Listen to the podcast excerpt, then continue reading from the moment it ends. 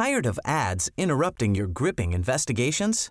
Good news. Ad-free listening is available on Amazon Music for all the music plus top podcasts included with your Prime membership. Ads shouldn't be the scariest thing about true crime. Start listening by downloading the Amazon Music app for free or go to amazon.com slash true crime ad free. That's amazon.com slash true crime ad free to catch up on the latest episodes without the ads.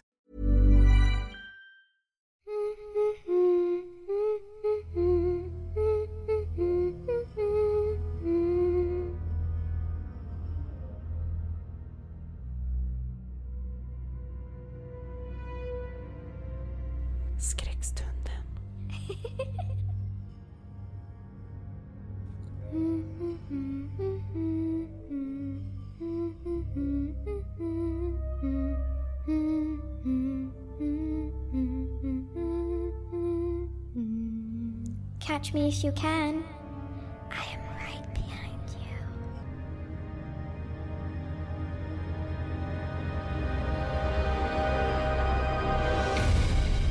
Skräckstunden. Hej och välkommen tillbaka till Skräckstunden. Nu är vi inne på det näst sista avsnittet för den här säsongen. Och eftersom jag i stort sett dagligen får meddelanden ifrån er följare där ni vill ha lyssnarberättelser så tänker jag att jag gör en lyssnarberättelse till.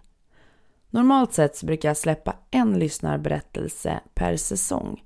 Men säsong 4 får helt enkelt bestå utav två avsnitt med rena lyssnarberättelser. Jag tycker vi kör igång och nu börjar vi med den första berättelsen som heter Anden i glaset. Välkommen tillbaka till skräckstunden.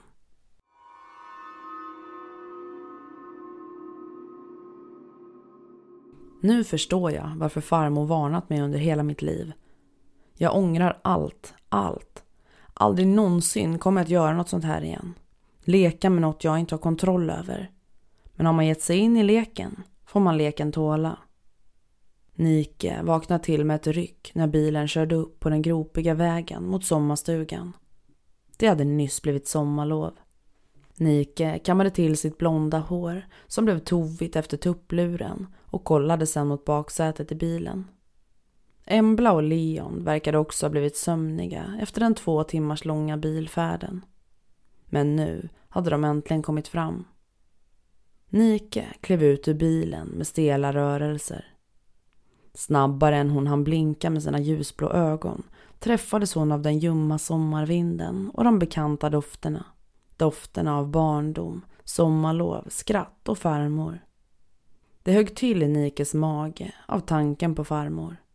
Det hade nästan gått två år sedan farmor gått bort men smärtan var fortfarande lika påtaglig. Nike ryckte upp sig själv. Nu fanns det ingen tid för att vara ledsen. Nu ska hon ha kul ha kul med sina två bästa vänner, Embla och Leon, i sommarstugan.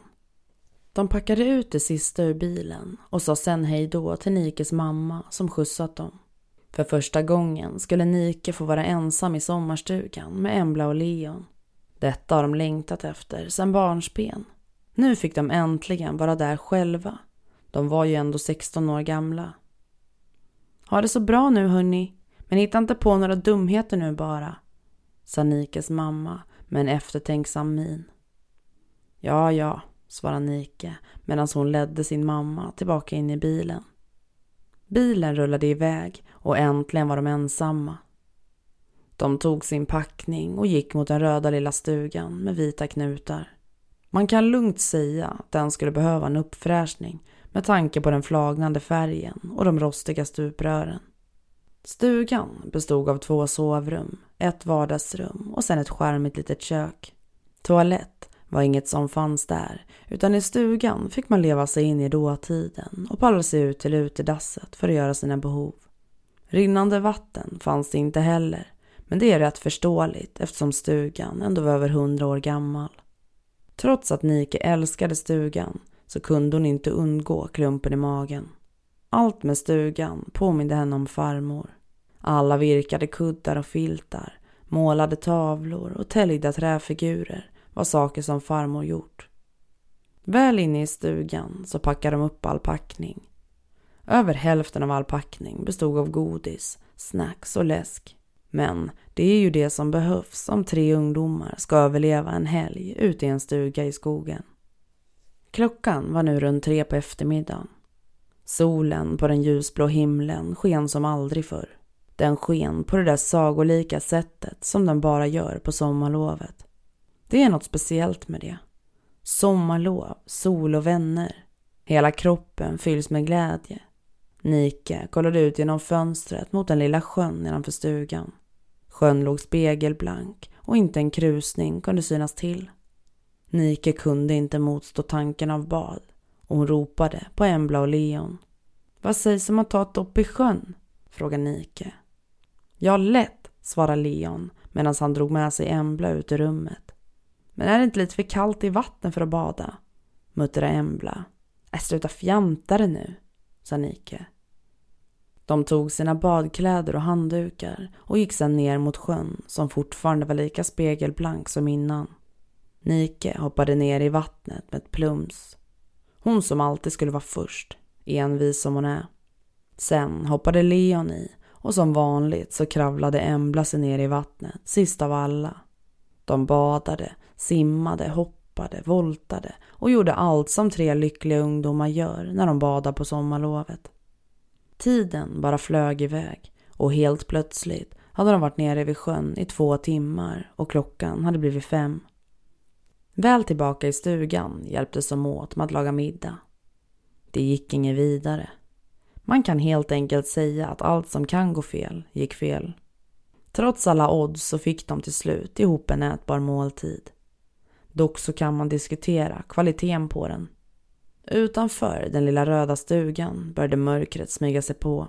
Där Det blivit kväll. Helt plötsligt ändrade den skärmiga stugan karaktär. Från att se hemtrevlig och inbjudande ut till att nästintill se skräckinjagande ut. Nike, Embla och Leon hade vid det här laget även de blivit påverkade av mörkret och den kusliga stämningen som skogen intill avger. Nu hade de börjat spekulera. Spekulera om sådana saker som ungdomar gör när de befinner sig i sådana miljöer. Tankarna kring mörker, spöken och kusligheter. Och plötsligt tjoade Embla till. Kan vi inte spela anden i glaset? Frågade hon med en ivrig röst. Nico och Leon kollade undrande på varandra. Kom dessa ord verkligen från Emblas mun? Det lät som det sista som Embla skulle föreslå med tanken på hennes icke-existerande mod och extrema eftertänksamhet. Anden i glaset, vågar du verkligen det? undrar Leon. Ja, det är klart jag gör, svarar Embla med en kaxig ton. Nike satte sig ner i soffan i vardagsrummet och skruvade på sig. Hugget i magen hade kommit tillbaka. Likaså tanken på farmor. Och hon visste exakt varför. Under hela Nikes liv hade farmor pratat med henne om vikten av att inte leka med sånt man inte har kontroll över. Speciellt leken Anden i glaset. En lek, eller snarare ett spel, där du tar kontakt med andevärlden. Detta sker genom ett glas på en spelplan och när du väl har kontakt med andevärlden så kan du ställa vilka frågor du vill. Det som anden svarar stämmer också oftast. Men det finns en baksida. Om man ställer fel frågor eller om man använder spelet på fel sätt så kan det gå riktigt, riktigt illa. När Nika tänkte efter insåg hon att hon aldrig riktigt reflekterat över varför farmor ständigt varnat henne för det här. Men hon kommer ju heller aldrig få reda på det ändå eftersom att möjligheten att fråga farmor har gått bort. Nike vaknade till ur sina djupa tankar och kollade bort mot Embla och Leon som satt i andra änden av soffan. De satt ihopsjunkna och glodde ner i Leons mobil. Vad kollar ni på? frågade Nike. Vi läser spelreglerna för anden i glaset, svarar Leon. Vadå? Hade ni tänkt spela det på riktigt? frågar Nike. Eh, ja, svarar Leon frågande.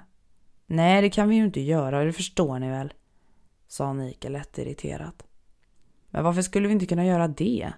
sa Embla medan hon kollade frågande på Nike. Nike hade då inget annat val än att berätta för Embla och Leon om det som farmor varnat henne för under hela hennes liv. Dock så verkade det som att Embla och Leon inte påverkades så värst mycket av det hon berättade.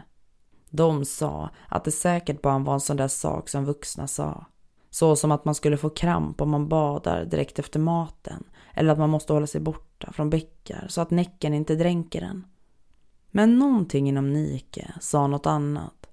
Att hon för denna gången faktiskt borde ta farmors ord på allvar. På något underligt sätt lyckades i alla fall till slut Embla och Leon att övertala Nike. De sa att det säkert inte ens skulle fungera och att det bara var en spännande sak att göra. Att se om det verkligen fungerar liksom. När alla väl var med på det hela var det dags att fixa själva spelplanen och alla förberedelser. Nike var fortfarande lika nojig, trots de andras övertygande ord. Men sagt var sagt och nu hade hon redan gått med på det. Medan Embla och Leon letade reda på papper och penna för att göra spelplanen ägnade Nike den tiden åt att söka runt på internet angående spelet. Hon skrev anden i glaset i sökrutan och tryckte sedan på sök. Det hon fick som resultat förbryllade henne. Om hon var nervös innan så var hon skräckslagen nu. Det hon fick som resultat var ett flertal artiklar om personer som spelat anden i glaset och därefter fått hemska men. Allt från djupa rivsår till personlighetsförändringar. Och i en artikel stod det om en person som till och med dött. Nike kände hur kallsvetten sakta men säkert började smyga sig på. Vad hade hon gått med på egentligen? Att spela ett spel där man riskerar sitt liv? För vad? För att få prata med en dum ande? Det lät helt och hållet orimligt i Nikes öron. Men sen påminde hon sig själv om vad hon lovat sina kompisar. De som så gärna ville spela det. Hon kunde bara inte svika dem. Just att svika folk var det absolut värsta Nike visste. Så att fega ur nu, det fanns inte på världskartan. Hon intalade istället sig själv att artiklarna på nätet bara var påhittade och att allt skulle gå bra. Hon kollade sen mot Embla och Leon som satt vid det runda bordet i köket. Hur går det med spelplanen? frågar Nike. Det går bra. Den är alldeles strax färdig, svarar Leon medan han viftade åt Nike för att hon skulle komma och kolla. Spelplanen bestod av ett stort papper med hela alfabetet på och alla siffror från 1 till 10. Sen fanns det även en ruta på vardera sida av pappret där det stod ja i ena rutan och nej i den andra. Bredvid pappret stod ett glas och ett stearinljus. Några tändstickor låg också där och nu hade de allt som behövdes för att börja spela. Alla tre satte sig nervöst ner vid bordet. Det enda de kunde se var ljuset från stearinljuset. Annars var det helt kolsvart. Inte en ljusstråle kunde synas till. Och nu återstod det bara en sak att göra. Starta spelet. Med tveksamma rörelser tog Embla tag i glaset och värmde det över ljuset. Hon satte sen ner glaset upp och ner i mitten av spelplanen och därefter placerade alla varsitt finger på glasets botten. Nu var spelet igång. Allt verkade gå precis som det skulle. Inget avvikande skedde och de ställde alla möjliga frågor. Om vänner, kärlek, hemligheter och allt sånt som nyfikna tonåringar vill få reda på. Svaren de fick var oftast relevanta, förutom vid ett tillfälle då Leon frågade Var är du? Svaret som de fick var kort, men framförallt så fick svaret dem att fundera. Vad menade han den? Svaret var den gråtande damen. De kunde inte neka till att svaret var märkligt men de borstade bara bort de tankarna och fortsatte spela. Det gick som på räls, fram till en punkt då de skulle avsluta spelet. Enligt spelets regler så ska man ställa frågan kan vi avsluta och sen ska glaset gå till ja. Inte förrän glaset har gått till ja så har spelet avslutats. Skulle det hända att glaset går till nej så måste man fortsätta spela. När Nike då ställde frågan kan vi avsluta så gick glaset till nej. Alla tre frös om till is. Vad var det som var fel? Varför fick de inte avsluta? De bestämde sig för att ställa frågan en gång till. Men återigen så gick glaset till nej. Nu blev paniken inom dem betydligt mer påtaglig. Det som skrämde dem var tanken på att glaset kanske aldrig skulle gå till ja och att de själva skulle bli tvungna att dra glaset till ja. De hade nämligen läst att det var en sak som man absolut inte fick göra. Det betydde att spelet inte alls var avslutat utan pågick ändå, vilket kunde ge förödande konsekvenser. Till slut fick de nog. Det blev som de tidigare fruktat inför. Glaset gick aldrig till ja. De hade frågat om att få avsluta hur många gånger som helst men varje gång fått svaret nej. De tog då ett beslut som de senare skulle få ångra. Till och med ångra in i döden men det var de lyckligt ovetande om vid den här tiden. De valde att själva dra glaset till ja fast det var det absolut sista man skulle göra. Med vetskapen om att spelet inte var avslutat blåste de ut stearinljuset och vek ihop spelplanen. De tände lamporna i stugan med förhoppningen att känna någon form av trygghet och satte sig sedan ner i soffan i vardagsrummet. Ingen av dem sa ett ord. Det var knäpptyst. Det enda som kunde höras var vinden utifrån som slog mot de stora björkarna i skogen. Nike, Embla och Leon kollade inte ens på varandra. Men trots det var alla säkra på att de tänkte på samma sak. Till slut så bröt Nike tystnaden. Tror ni att det kommer hända något nu? Nej, alltså det är säkert lugnt, svarade Embla.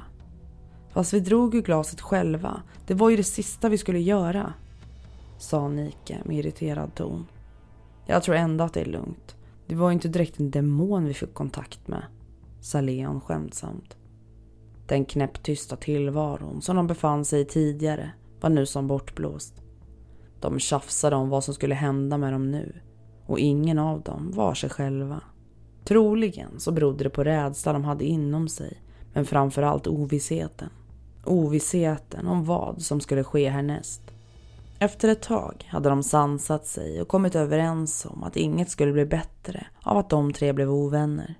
De bestämde sig för att distrahera sig från de kvarstående rädslorna genom att spela sällskapsspel. Vanliga sällskapsspel den här gången. Tired of ads interrupting your gripping investigations? Good news. Ad-free listening is available on Amazon Music for all the music plus top podcasts included with your Prime membership. Ads shouldn't be the scariest thing about true crime. Start listening by downloading the Amazon Music app for free or go to amazon.com slash true crime ad free. That's amazon.com slash true crime ad free to catch up on the latest episodes without the ads. Summer's just around the corner, so give your body the care it deserves with Osea's best-selling Andaria Algae Body Oil. Created by infusing Andaria seaweed in barrels of botanical oils, it leaves skin silky soft and glowing. Plus, it's clinically proven to improve elasticity and deeply moisturize without feeling greasy. It's safe, clean, vegan skincare. Get 10% off your first order at oseamalibu.com with code GLOW, plus free shipping on orders over $60. Under andra spelomgången Yatzy kom Nico att tänka på en sak. Det kom upp från ingenstans, som en blixt på en klarblå himmel. Hon kom att tänka på vad anden hade svarat när Leon frågade var den befann sig. Den gråtande damen. Nike kände på något vis igen andens svar och då kom hon på det. Det fanns en tavla i stugans hall som föreställde en gråtande dam. En kall kår gick genom Nike. Hon visste inte varför, men det var något med den tavlan som gav henne obehag. Nike berättade för Embla och Leon om vad just kommit på och de gick därefter ut ur vardagsrummet med ivriga steg och ut i den lilla hallen. Där hängde den. Tavlan med den gråtande damen. Leon lyfte ner tavlan från väggen och precis då föll något ner på golvet. Ett brev. Den måste ha legat fastklämd bakom tavlan och fallit ner när tavlan lyftes bort. Nike böjde sig ner och tog upp brevet. Det såg gammalt ut. Det var säkert flera tiotal år gammalt. Nike frågade om hon skulle öppna det och Embla och Leon nickade instämmande. Nike öppnade försiktigt brevet och det hon möttes av var en handskriven text. Hon harklade sig och läste sedan upp brevet högt för de andra. Alla gånger jag varnat dig, alla hundratals gånger. Ändå så slutade det så här. Jag har ända sedan du föddes gjort allt i min makt för att du inte ska få samma öde som jag fick.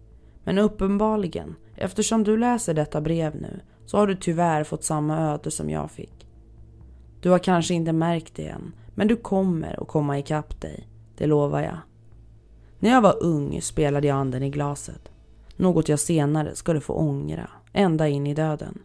Allt gick bra till en början, men när vi skulle avsluta gick glaset aldrig till ja.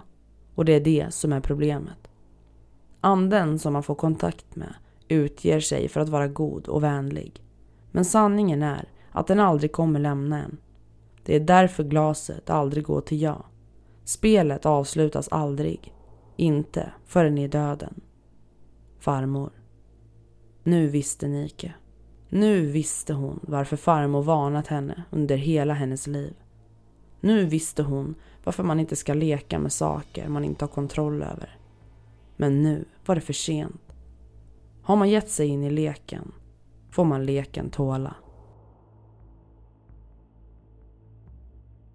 Du har hört berättelsen Anden i glaset skriven och inskickad av lyssnaren Isa Wallin.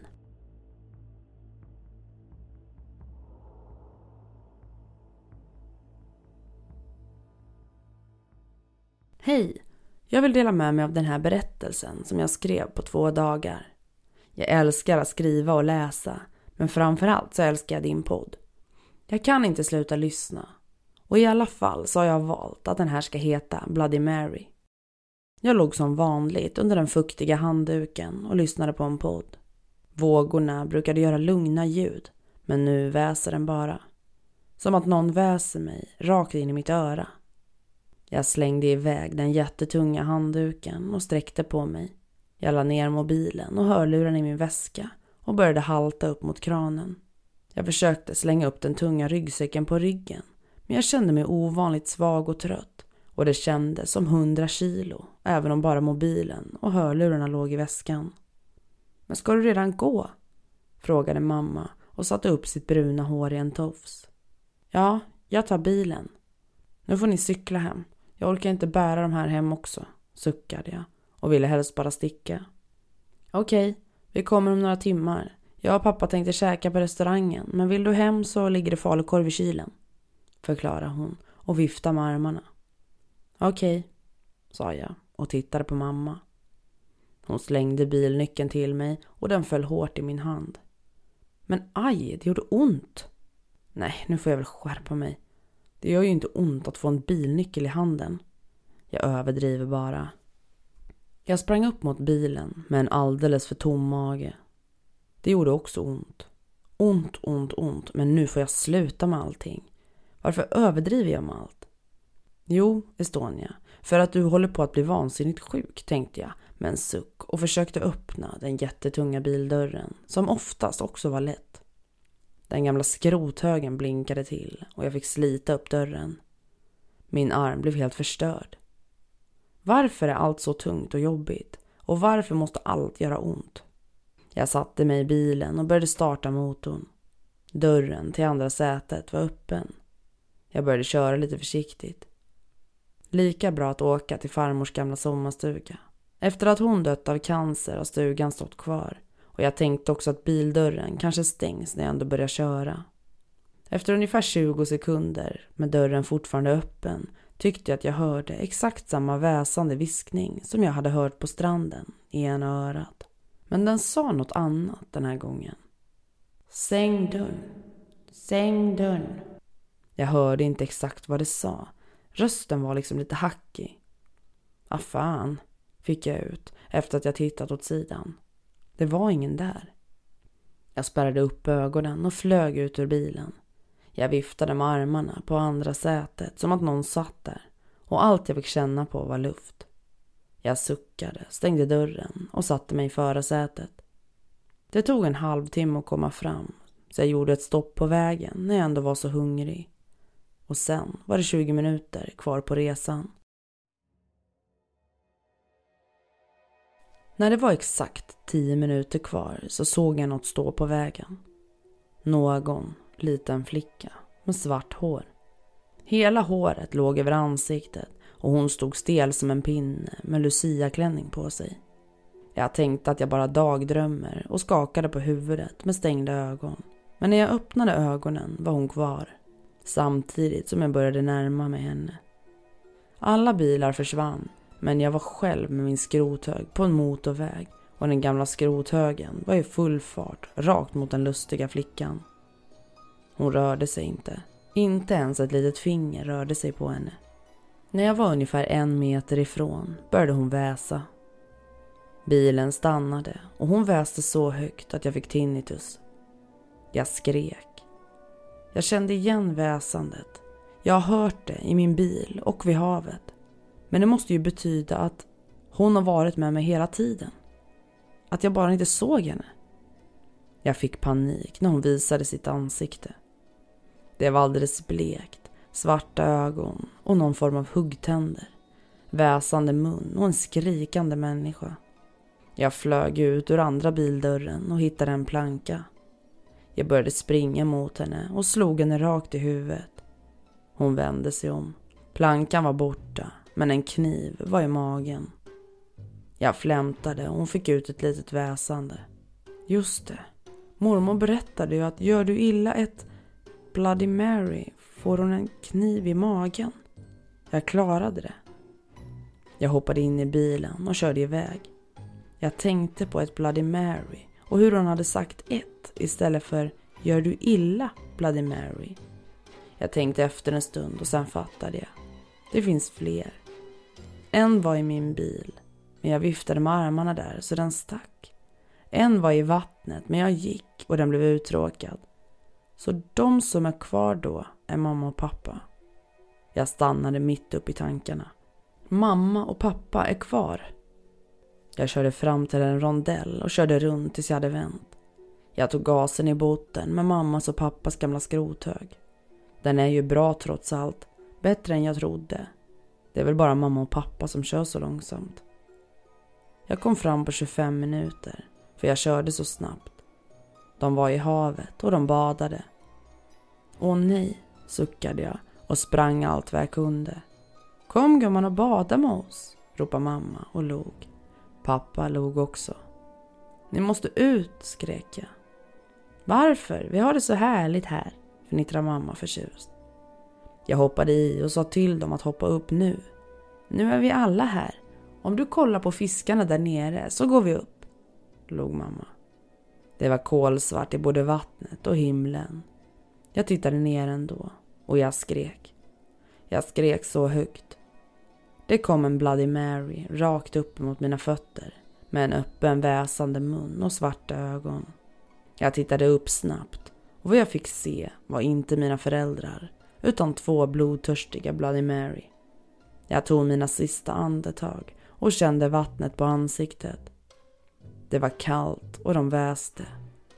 Jag visste att min tid var ute.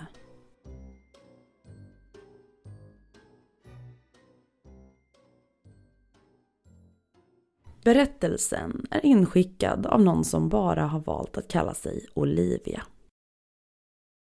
Hej! Jag tänkte berätta om en sak som hände mig i augusti i år.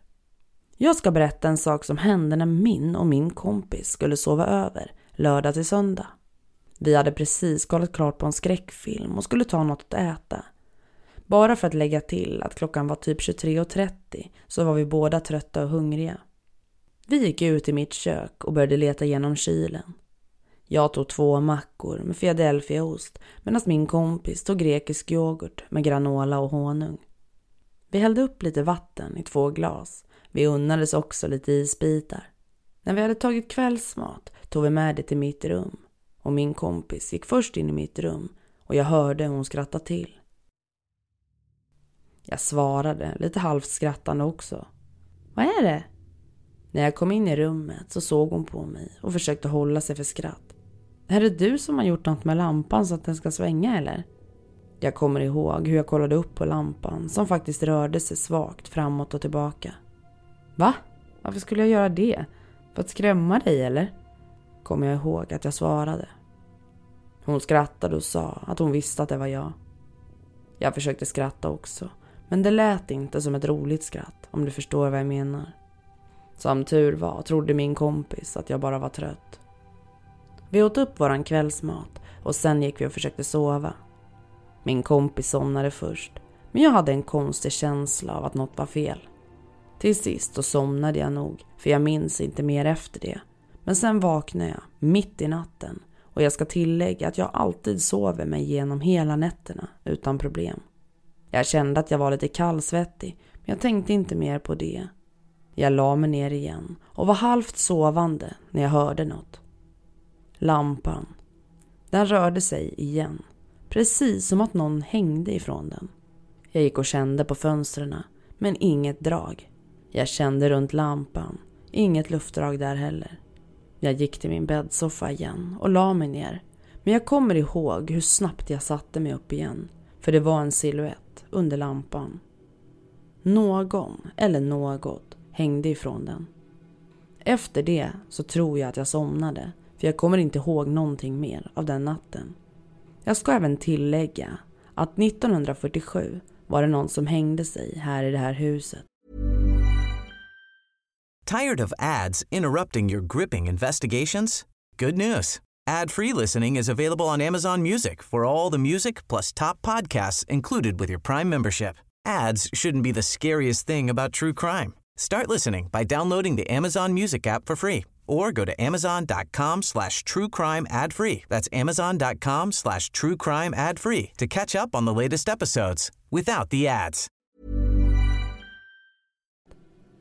Jag får fortfarande rysningar ifrån den natten. Men vem vet, det kanske finns en naturlig lösning. Men jag tror att den där natten så såg jag något. Jag vet inte om det var ett spöke, demon, poltergeist eller gast eller något helt annat. Det var i alla fall min historia. Och om du använder den i podden så säg att jag heter Hilda och min kompis är anonym. Tack för mig. Jag älskar din podd. Lyssnar varje natt och mina favoritavsnitt är Getmannen och Wendigo. Ha en fin dag. Med vänlig hälsning, Hilda.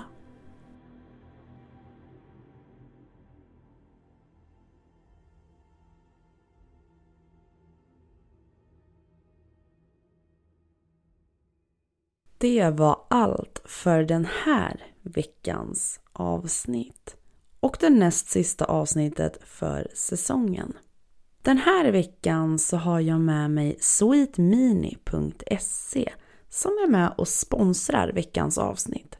Det är snart jul, eller nu kanske vi inte ska ta i och ta ut någonting i förskott, men vi går i alla fall med starka och stora steg emot julen.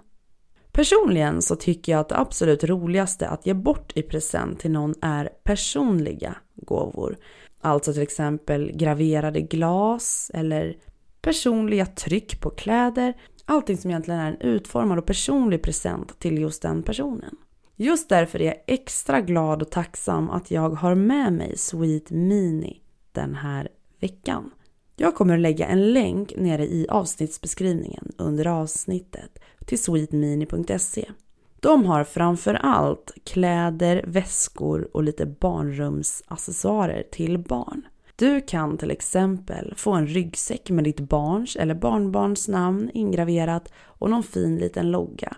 Det finns både mössor och vantar som faktiskt också är ganska praktiskt att ha just namnat på förskolor och skolor.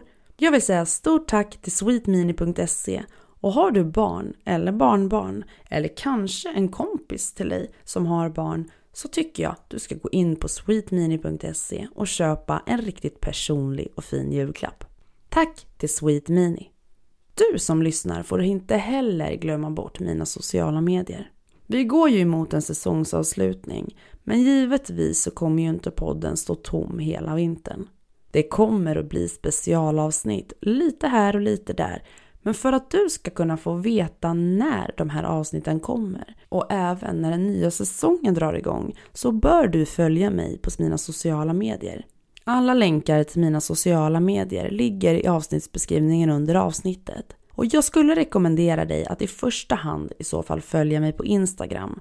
Där får du hänga med mig och det är där jag är som mest aktiv. Men all information som rör podden kommer givetvis också upp i gruppen Skräckstunden eftersnack. Det finns också en länk i avsnittsbeskrivningen där du kan bli premiummedlem hos Skräckstunden. Du kan alltså bli en exklusiv medlem i Skräckstundens familj. Jag vill inte tjata sönder det här. Du gör precis som du vill och vill du veta mer så finns det en länk i avsnittsbeskrivningen som du kan spana in och se om det är någonting för dig. Nästa vecka är det säsongsavslutning av säsong 4 och jag kan inte förstå att vi redan har betat av snart fyra säsonger. Det var allt för den här veckan och jag hoppas att vi hörs snart igen i dina lurar.